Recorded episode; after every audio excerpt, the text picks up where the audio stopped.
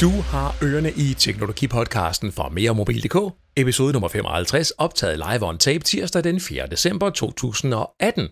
Mit navn er John K. Og velkommen indenfor. Velkommen til øh, en noget forsinket podcast episode, simpelthen fordi, at der har været alt muligt andet. Sådan nogle kedelige ting som syge forældre, syge børn, arbejde og en hel masse andet, der har gjort, at den her episode bare ikke har ville tage sin form. Men det har den så nu, og du kan godt, du kan godt glæde dig, fordi i dag, der fortæller jeg dig, hvad for en producent i Danmark, der sælger flest telefoner, og hvad for en telefonproducent, der sælger færrest telefoner. Det kan du måske næsten regne ud selv, men alligevel, mange af de her ting er baseret, når man sådan læser dem rundt omkring i øh, kommentartrådet osv., på hvad folk de tror er virkeligheden. Altså, hvem sælger flest, hvem sælger færrest. For sagen er nemlig den, at salgstal er noget, branchen holder rigtig, rigtig, rigtig tæt til kroppen, og de vil ikke af med dem, selvom man spørger, vil I være søde at dele dem? Alligevel er det over et stykke tid lykkedes mig at indsamle en hel masse forskellige data på salget af smartphones i Danmark. Og jeg fremlægger nogle af dem i den her podcast episode lidt senere, og du kan godt glæde dig, for jeg tør godt love, at der er nogle overraskelser undervejs. For meget af det, man hører ude i de såkaldte medier om salgstal, eller læser i kommentartrådet, det er faktisk baseret på følelser og, og ting, man tror, og ikke så meget fakta. Det bliver lidt senere.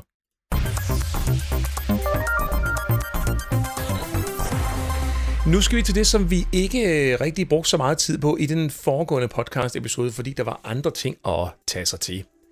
Vi skal snakke lidt om, øh, hvad der er sket i øh, nyheds, øh, nyheds, øh, nyhedsbilledet. Og jeg skal lige bladre en gang her, fordi jeg, nu har jeg fået lagt papirerne om på den modsatte side af, hvor det skulle være. Så nu øh, skal de ikke grave frem igen, så du måske kan grave dem frem igen. Grave dem frem igen, som du måske kan høre. Vi skal snakke lidt iPhone, fordi hvis du har en øh, iPhone 6 eller nyere frem til iPhone 10, så skal du lige se at få den, øh, få den tjekket med det samme. Fordi der er jo det, at Apple de har kørt en kampagne, og det har de gjort øh, over det øh, ja, seneste års tid, her i 2018, en, en kampagne eller et serviceprogram, eller hvad du vil kalde det, der gør, at de har tilbudt at udskifte batteriet på en iPhone, din iPhone måske, til en pris af 229 kroner, mod normalt 629 kroner eller dyrere. Og den her rabatperiode, den udløber lige om lidt den 31. december 2018. Så hvis dit batteri i din øh, telefon er lidt øh, slapt og hænger i koderne, så er det en rigtig god idé at få taget kontakt til et autoriseret serviceværksted for at øh, få, få fundet ud af, om du er berettiget til den her discount på øh, batteriet. Og autoriserede serviceværksteder i Danmark er blandt andet Care One og QMAC. Sagen er, at Apple de lavede jo en, øh, en øh, prisændring på øh, udskiftning af batterier, fordi den amerikanske teknologigigant kom i modvind i medier over hele verden. Det var fordi, at folkene bag det benchmark-program, der hedder Geekbench, de påviste, at nogle iPhones de reducerede processorhastigheden, når batteriet var blevet slidt.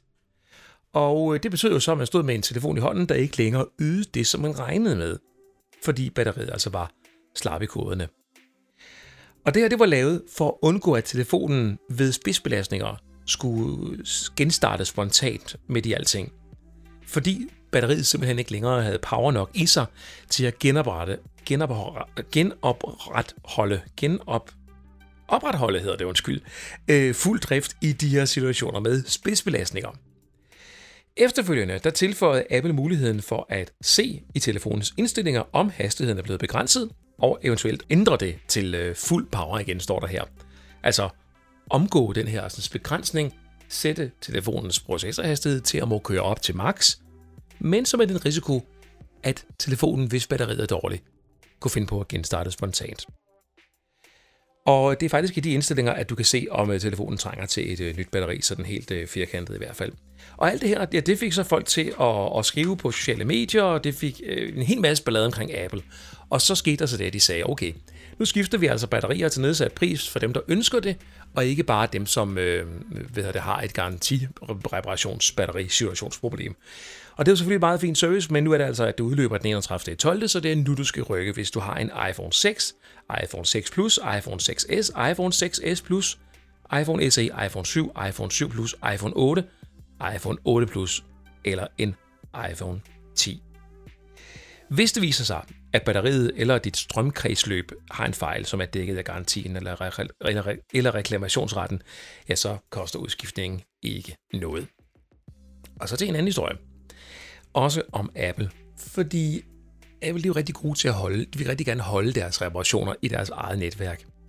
Og du har sikkert hørt, at Apple har omtalt deres såkaldte sikkerhedschip i MacBooks kaldet T2. Det er sådan en lille koprocessor, som håndterer blandt andet bootprocessen, fingeraftrykslæseren og en lang række specialopgaver, der ligger i et aflukket sikkerhedsområde eller en aflukket enklave, som Apple selv kalder det. T2-chippen den findes også Altså, den, den findes i de nyeste modeller af MacBook Pro 13-tommer og MacBook Pro 15-tommer, og iMac Pro samt de nye MacBook Air og Mac Mini. Og nu viser det sig så, at T2-chippen også holder et vågent øje med andre hardware-komponenter i computeren, skriver The Verge. Hvis udvalgte hardware-dele bliver udskiftet, ja, så blokerer chippen for opstart af maskinen. Det kan fx være, hvis man skifter logic-boardet eller Touch ID-sensoren på en MacBook. Det har Apple bekræftet over for The Verge.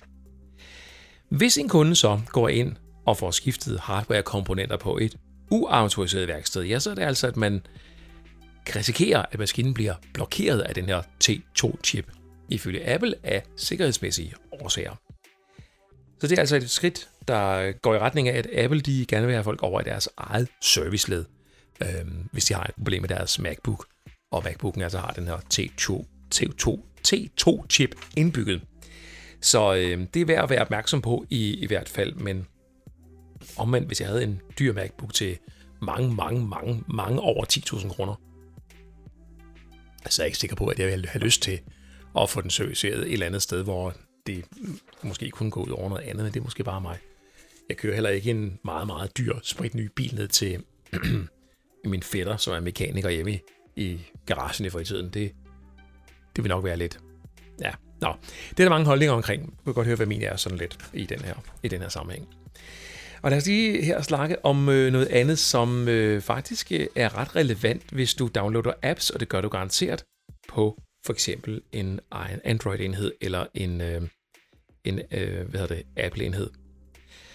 Fordi der er efterhånden kommet en del eksempler på, at nogle apps, de narer, narer brugerne til at tegne dyre løbende abonnementer. Det er tech test.dk med kilde i TechCrunch, der har den her historie. Et af de mange eksempler, det er Scanner-app. Efter en gratis prøveperiode på 3 dage, så konverteres brugeren automatisk til et abonnement, der koster 396 kroner om året. Et andet eksempel er QR Code Reader, en af de her mange QR-kode-apps af samme navn. De benytter den samme fremgangsmåde. De øh, hiver således over 1000 kroner op af lommen på sagsløse brugere, vil at mærke, om året. Og det er altså bare to eksempler på utrolig dårlig moral blandt appudviklerne. Og hvorfor gør de så det her, tænker du? Det gør det, fordi det virker. QR Code Reader ligger lige nu nummer 220 på listen over apps, som har den højeste indtjening. I det her tilfælde, i det her tilfælde så øh, omsætter appen for 5,3 millioner dollars om året. Så det kan godt svare sig at lokke sagesløse app-brugere ind i nogle øh, abonnementsfælder. Det er der ikke nogen, øh, nogen tvivl om, men moralen den er i hvert fald dårlig. Vær også opmærksom på, at på sociale medier som Instagram og Facebook, der ses en stor mængde reklamer for supersmarte apps, der kan løse alle mulige svære problemer. For eksempel en app, jeg selv har stødt på, hvor du kan tage et billede og ændre baggrunden til blå himmel eller tordenvejr for eksempel. Det ser rigtig fedt ud.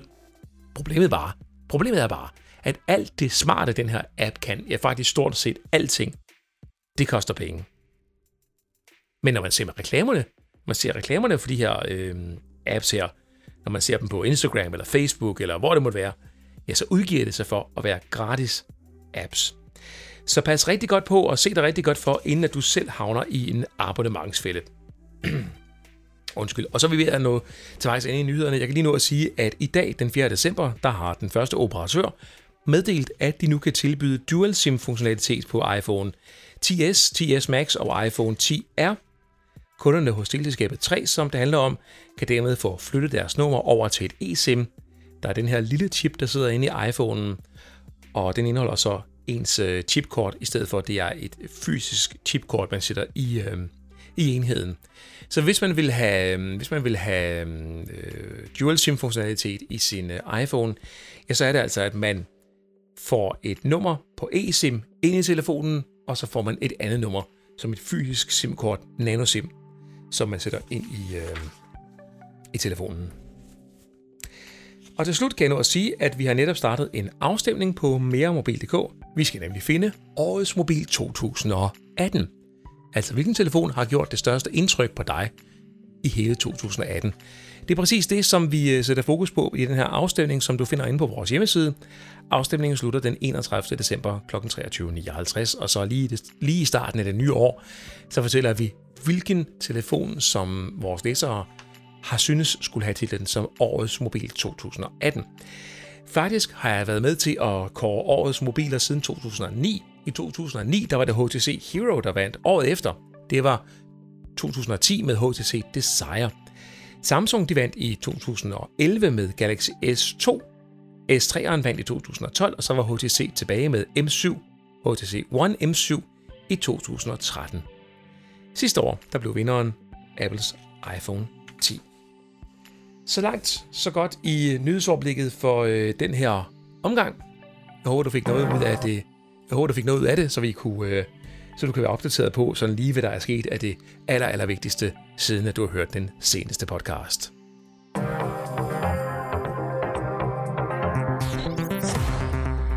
Hvis der er noget, der optager rigtig mange, så er det debatfelterne, kommentarsporene på rigtig mange artikler, ikke bare på meremobil.dk, men hele, i det hele taget generelt alle steder, hvor de skriver om teknologi. Det er virkelig noget, folk de går op i.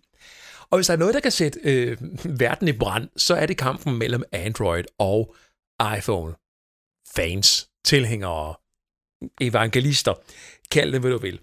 Og mange gange så foregår den her debat på sådan et meget uskyndt niveau, hvor folk de øh, nærmest sviner hinanden. Nej, ikke nærmest. De sviner hinanden på øh, personlig plan, og det hører selvfølgelig ikke nogen steder hjemme. Og vi vil gerne opfordre til, jeg vil gerne opfordre til på meremobil.dk, at der er en sober tone, hvilket jeg da også synes, der er et langt stykke hen ad vejen for fra langt de fleste brugere heldigvis. Men det, der er sagen, det er, når vi snakker om markedsandele, altså hvem der er størst og mindst og så videre på det danske mobilmarked, så har vi ikke ret mange oplysninger, der er offentligt tilgængelige, og det skaber god, brund, god grobund for udokumenterede påstande og spekulationer og i det hele taget bare uvidenhed. Og det er jo altså sådan, at øh, vi ikke som journalister eller medier kan få indblik i de her tal fra de forskellige øh, øh, producenter, altså hvor meget de egentlig sælger i Danmark, de er omgivet med alt mulig form for hemmelighed. Det sjove er, at der er rigtig mange i branchen, for ikke at sige alle i branchen, producenter, teleselskaber, whatever, you name it, øh, der har de her tal. Så de kender dem alle sammen. De lurer på hinanden, men de øh, vil ikke af med dem alligevel så er det jo sådan en gang imellem, så er der sådan nogen som jeg, der laver noget research og taler med nogle mennesker og øh, laver noget andet research og i det hele taget sådan graver i, i dokumenter, man sådan får fat på eller får lov til at se og, og så videre. Alle mulige mærkelige steder i den her kæmpe branche. Og lige pludselig så står man faktisk med billedet af, hvem der sælger flest og hvem der sælger færrest telefoner i hånden. Og det skal vi tale om nu. Lad os starte med Apple. Apple er og det er jo ikke nogen overraskelse. Det ved alle. Den smartphone-producent, der sælger flest smartphones i Danmark. Der sælges faktisk flere iPhones, end hvad Huawei og Samsung sælger til sammen. Så godt går det for Apple. Og da Apple de sælger telefoner, der koster rigtig mange penge, ja, så sidder Apple ikke bare på styksalgssucces, men også på omsætningssucces. Faktisk så spiser Apple op mod 60-70% af den samlede totale omsætning på mobilmarkedet i Danmark inden for smartphones målt på månedsbasis.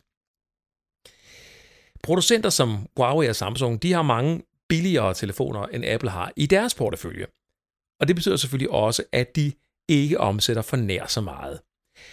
Hver gang der sælges 10 smartphones i Danmark i for eksempel en måned som september, ja, så er der Apple-logo på stort set de fem af dem.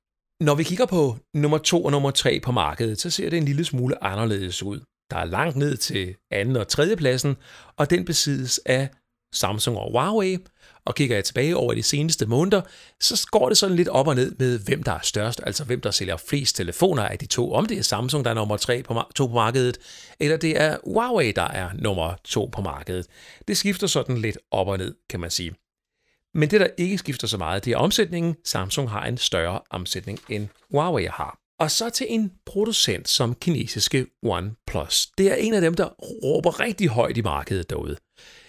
Men hvis du sætter lighedstegn mellem synlighed på sociale medier og succes inden for mobilsalg, ja, så når du frem til en forkert konklusion.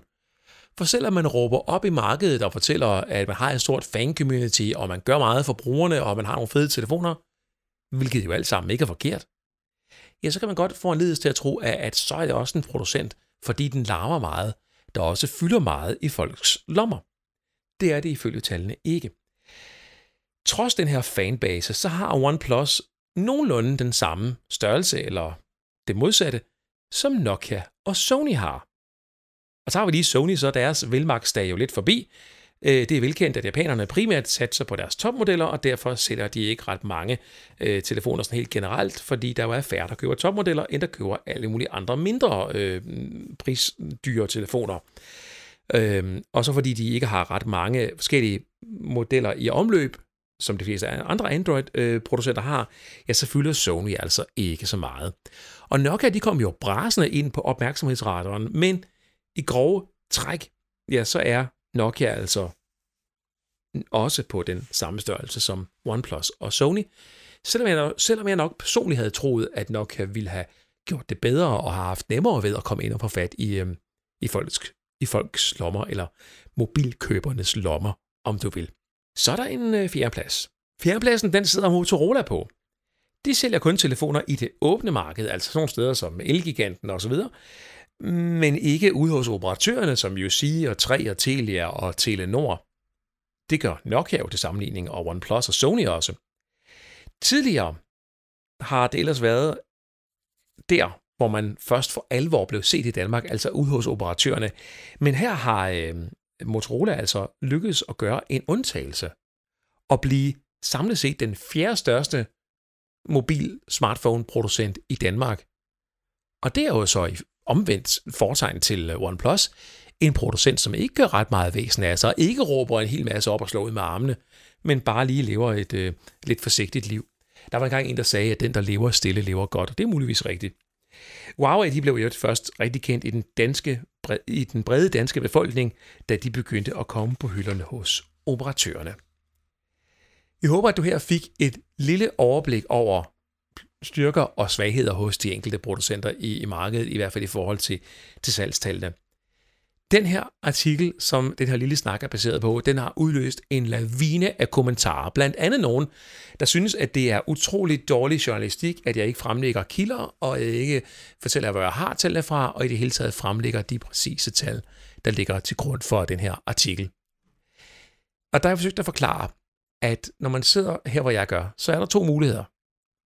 Du kan have noget research, som du tænker, det er relevant at offentliggøre. Du ved også, at hvis du offentliggør den research, du har, på den måde, du har den, og fortæller om alle de steder, hvor du har fået den fra, så tørrer den kilde og de kilder, de vandløb, der er i den sammenhæng, ret hurtigt ud. Så øhm, det vil jo bare betyde, at vi aldrig mere fik noget indsigt i noget som helst, som det her jo trods alt er. Så jeg kunne godt sidde og sige, jo, det kunne være fedt at fremlægge det hele sådan en til en, men, men, men så vil, vil, øh, vil fødekæden jo stoppe. Men jeg valgte så den modsatte, og så sagde, sige, jeg har været i den her branche i op mod 20 år efterhånden. Og så må folk jo stole på, at jeg har fået fat i de rigtige tal, og fremlægger det på den rigtige måde, og om ikke andet giver det helt rigtige billede af, hvordan det er. Så det er altså min troværdighed, der på en eller anden måde står på spil i den her sammenhæng. For jeg kan jo i hvert fald sige, at kildebeskyttelse har jeg da ret til at have, og det vil også være tilfældet i det her tilfælde. Så hvis jeg, jeg skulle have gjort, som man ville have gjort i normale journalistiske sammenhænge, hvis man havde gået på en fin dyr uddannelse i lang tid og blevet meget, meget klog over mange år, ja, så ville den sådan en historie her aldrig være kommet til, til verden. Ikke desto mindre kan jeg konstatere, at flere af mine konkurreremedier rundt omkring øh, i mobilbranchen har fået øje på historien har fået, og har citeret historien. Og det siger der et eller andet om, at de trods alt stoler på, at jeg på en eller anden måde er en, øh, en relevant kilde i, øh, i, den her, i den her sammenhæng, og en troværdig øh, afsender i forbindelse med sådan nogle tal her. Så det var så lige sådan en lidt længere baggrundsforklaring øh, af, hvordan at øh, mit arbejde også virker.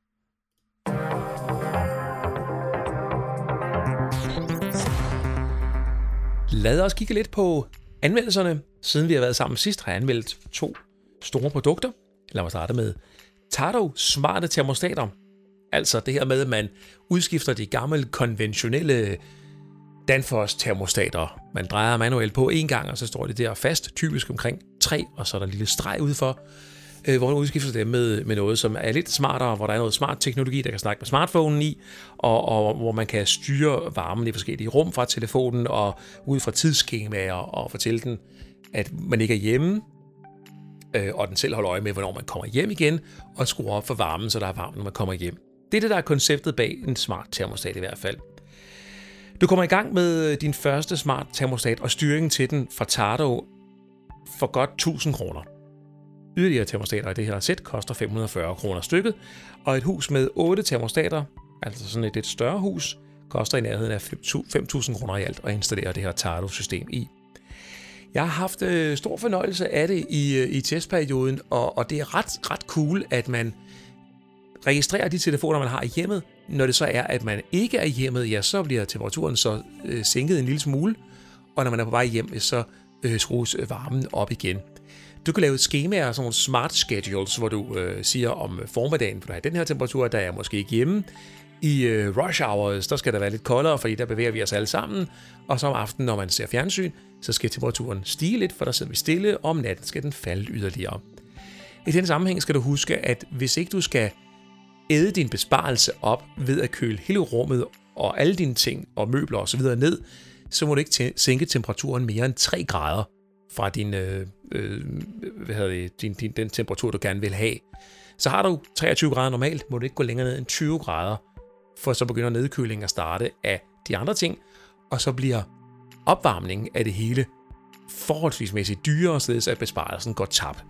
Det skal man så lige lægge mærke til, og det gælder også ved natsænkning, og når du ikke er hjemme, øh, altså når du rejser på ferie osv. osv. Men er du opmærksom på det, så er der øh, faktisk nogle gode ting ved det. Der er så det at sige til det, at Tardo snakker om, at de kan holde øje med, hvornår man åbner vinduet, og så kan de skrue ned for varmen i den periode, vinduet er åbent. Lad mig bare sige det sådan, det fungerer faktisk ikke særlig godt. Den tager alt for lang tid om at registrere, hvornår vinduet det bliver åbnet, og øhm, det, det virker på den måde ikke særlig øh, intuitivt, at man kan, øh, altså, man kan gøre det på den her måde her. Det, det spiller i hvert fald bare ikke. Det, der til gengæld spiller, det er, hvis man skruer ned for varmen manuelt, når det er åbent vinduet, og skruer tilbage igen, når man, øh, hvad hedder det, når man så har lukket vinduet. Og i øvrigt, i forhold til, øh, til mange andre termostater, så kan Tardo faktisk styres ved at dreje på termostaten manuelt, altså på en fysisk drejeknap, ligesom man kan med gamle termostater. Så hvis du synes, det er koldt, så behøver du ikke tage din telefon. Du bare går over til, til termostaten, og så skruer op på 24 grader, og så øh, stiger temperaturen til 24 grader, hvorefter den falder tilbage i sin normale schedule igen. Og det hele her, det kan betjenes med Google Assistant, det kan betjenes med Siri via Apple HomeKit, og Alexa fra Amazon er også med i systemet. Så man kan sige, øh, hey Google, hvor varmt er der i stuen? Og så vil Google svare, hvor varmt der er i stuen, hvis man havde sådan en Google Home i nærheden. Og du kan også den vej igennem justere varmen op og ned. Det er ret smart. Det, der ikke er helt så smart, det er, at det er lidt uklart, hvor meget du egentlig sparer. For alle dem her, der sælger smart termostater, de snakker rigtig meget om, at du sparer en masse penge på at installere smart termostater. Det er muligvis også rigtigt nok, men det er også utrolig samtidig, samtidig også utrolig svært at dokumentere, om det er tilfældet. Fordi sagen er jo den, at det, kan være, at din husstand ændrer sig. Sådan øh, ved, at du får øh, en, der flytter hjemmefra, eller du er mere hjemme i en periode øh, du er mere ude i en periode osv. Så på den måde så bliver det svært at sammenligne fra, øhm, øh, fra, fra, øh, øh, fra periode til periode, fordi at der altså er ændringer i måden, at vi øh, lever vores øh, liv på, og det går altså også ud over øh, øh, det her statistik. Men hvis jeg tager min smartphone og lige øh, kigger ind i Terdo-appen her, mens vi er live her, så kan den fortælle mig, at, med, at mine øh, energisavings, eller energy savings hedder det jo her, øh, har været 21,8% i november måned, sammenlignet med, hvis jeg har haft en gammeldags konventionel termostat siddende, så har jeg sparet 21,8%. Og det gør den blandt andet, fortæller den ved, og det har jeg blandt andet gjort ved, at jeg har brugt Smart Schedule, og jeg har øh, brugt den mm, hvad hedder det, weather adaption, altså hvor den holder øje med vævesigter og så videre, tilpasser Øh, brugen af varme i forhold til, hvor meget varme der kommer udefra og, og den slags ting. Og geofencing, at man forlader huset med telefonen i lommen, og dermed lukker lidt ned for varmen, når man ikke er der. Der skulle jeg så have sparet 21,8% ved at have det her system. Hvis vi sætter det lidt lavt, det her besparelse, for eksempel på 15%, så kan jeg sige, at jeg har en fjernvarmeregning om året på 11.000 kroner via Fjernvarme Fyn, kan jeg spare 15% bare for at sætte det her konservativt, som sagt, så går der tre år, inden det her system bliver tjent hjem, og før de her besparelser begynder at vise sig. Det skal du bare lige være opmærksom på.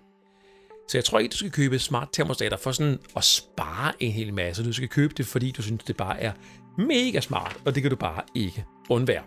Sådan har jeg det i hvert fald. Jeg synes, det er smart. Men det er samtidig også lang tid, man skal bruge på at tjene systemet hjem igen. Det er der ikke nogen tvivl om.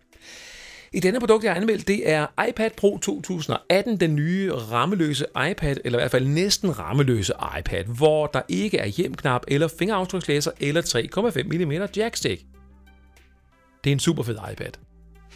Man har sådan en fornemmelse af, at Apple lige har genopfundet iPad'en med den her ved at strippe øh, den for knapper og sådan noget fingeraftrykslæser osv. Den er super, super moderne og mega, mega hurtig.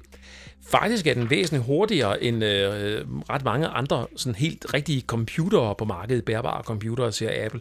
Øh, der er simpelthen så utrolig meget maskinkraft liggende, øh, ligger i den her, øh, liggende i den her maskine her. Apple det siger, at maskinen i øh, iPad Pro 2018 har mere rå maskinkraft end 92% af alle bærbare PC'er, der er blevet solgt sidste år. Det er da ret vildt, må man sige. Nu skal man så bare bruge, øh, finde ud af at bruge den her sådan, øh, power til, til noget smart. Der sidder en Face ID-sensor i iPad Pro 2018, og det er ikke den samme, som der sidder i iPhone 10-serien, fordi den her sensor kan også tage højde for, om du holder vand, iPad'en vandret eller horisontalt. Det kan man ikke med iPhone 10-serien. Og du skal altså ikke heller være bekymret for den her manglende fysiske hjemknap, som du har på de andre iPads.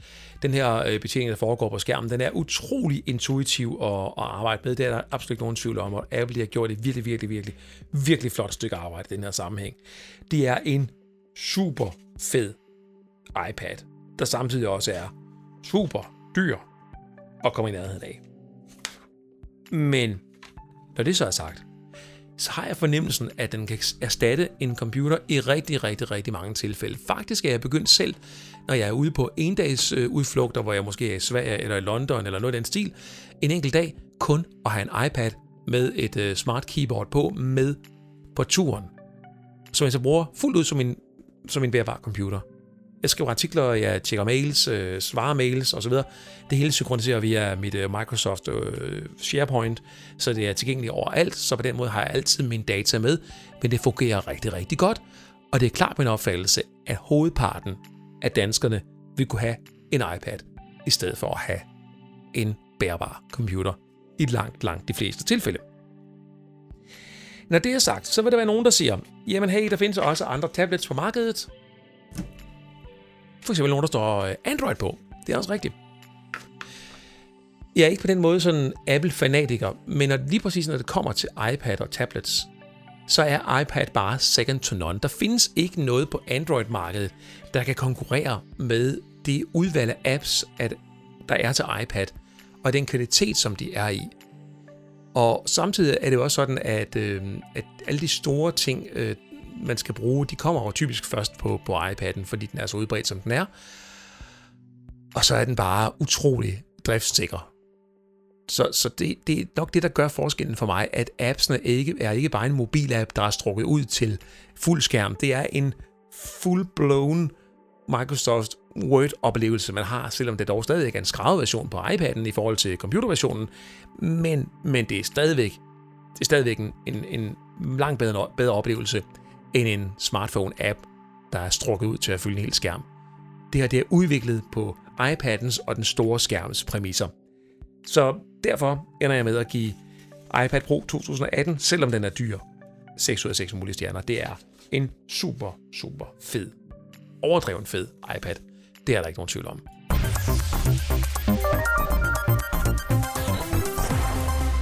Jeg skal til at runde af for den her omgang øh, teknologipodcast her fra meremobil.dk. Som sagt var det lidt ærgerligt, at øh, jeg ikke fik indspillet podcasten på det rigtige tidspunkt, på grund af alle de her udfordringer, jeg snakkede om i starten, men sådan er det jo. Jeg har lige fejret fem års fødselsdag. Ikke for min datter eller min sønner eller noget som helst andet. Jeg har fejret det for mere mobil.dk sammen med Lene. For i de her dage er det faktisk fem år siden, at vi havde vores debut på nettet som meremobil.dk. Og den korte udgave af en meget, meget, meget lang iværksætterhistorie er, at jeg havde en tro på, at vi kunne starte den 1. december 2013 med et nyt medie. Vi havde godt 100 besøg på den første dag. I dag havde vi i november måned over 300.000 besøg. Bare sådan til sammenligning. Så det er gået meget godt lige siden. Men jeg havde også en ambition om, at da jeg startede den 1. december 2013, så skulle jeg være i stand til at tjene så mange penge, at jeg kunne udbetale løn, når vi nåede slutningen af december 2013 og de efterfølgende måneder. Når man kigger på sådan iværksættermiljøet sådan helt generelt, så er der ikke ret mange, der gør det, vil jeg bare sige. Der er rigtig mange, der har ambitioner om det. Det er ikke rigtig, rigtig mange, der lykkedes med det. Fordi sandheden var jo, at der ikke var nogen penge i kassen. Der var ikke nogen kassekredit. Der var ikke noget at trække på. Så hvis ikke, at der kom kroner i kassen, så kunne det ikke lade sig gøre at køre mere den første måned. Så det var sådan, det var. Men heldigvis, takket være dig, der lytter med, og alle vores øh, sponsorer og samarbejdspartnere, og hvem der ellers bidrager til meremobil.dk, ja, så er det lykkedes lige siden at, at få løn hver eneste måned og betale alle vores regninger, og i det hele taget gøre os gældende øh, på, på det her marked. Det vil jeg gerne sige tusind tak for, at du blandt andet har været med til at hjælpe mig med. Og hvis du skulle være i tvivl, så er det her det eneste arbejde, jeg har. Det er det, jeg gør. Lige nu, der er vi på FM med Mere Mobil.dk Tech Podcast hos Radio Næstved og Radio Freja. Der har hørt, jeg, har, jeg har hørt fra nogle flere radioer, der har luret på, om de må få lov til at sende podcasten. I den sammenhæng er svaret ja. Vi stiller podcasten gratis til rådighed for de medier, der måtte have lyst til at distribuere den. Den næste episode bliver episode nummer 56, årets sidste. Jeg tør næsten ikke sige det, men den kommer inden jul det regner jeg i hvert fald med. Mindre vi bliver syge, eller der sker nogle andre ting omkring os. Det, det er ambitionen, at det skal komme inden jul og være sådan en jule- og sæsonafslutning, inden vi når 2019. Jeg er rigtig glad for, at du havde ørerne med her i øh, Teknologipodcasten for den her gang. Mit navn er John G. Tak fordi du lyttede.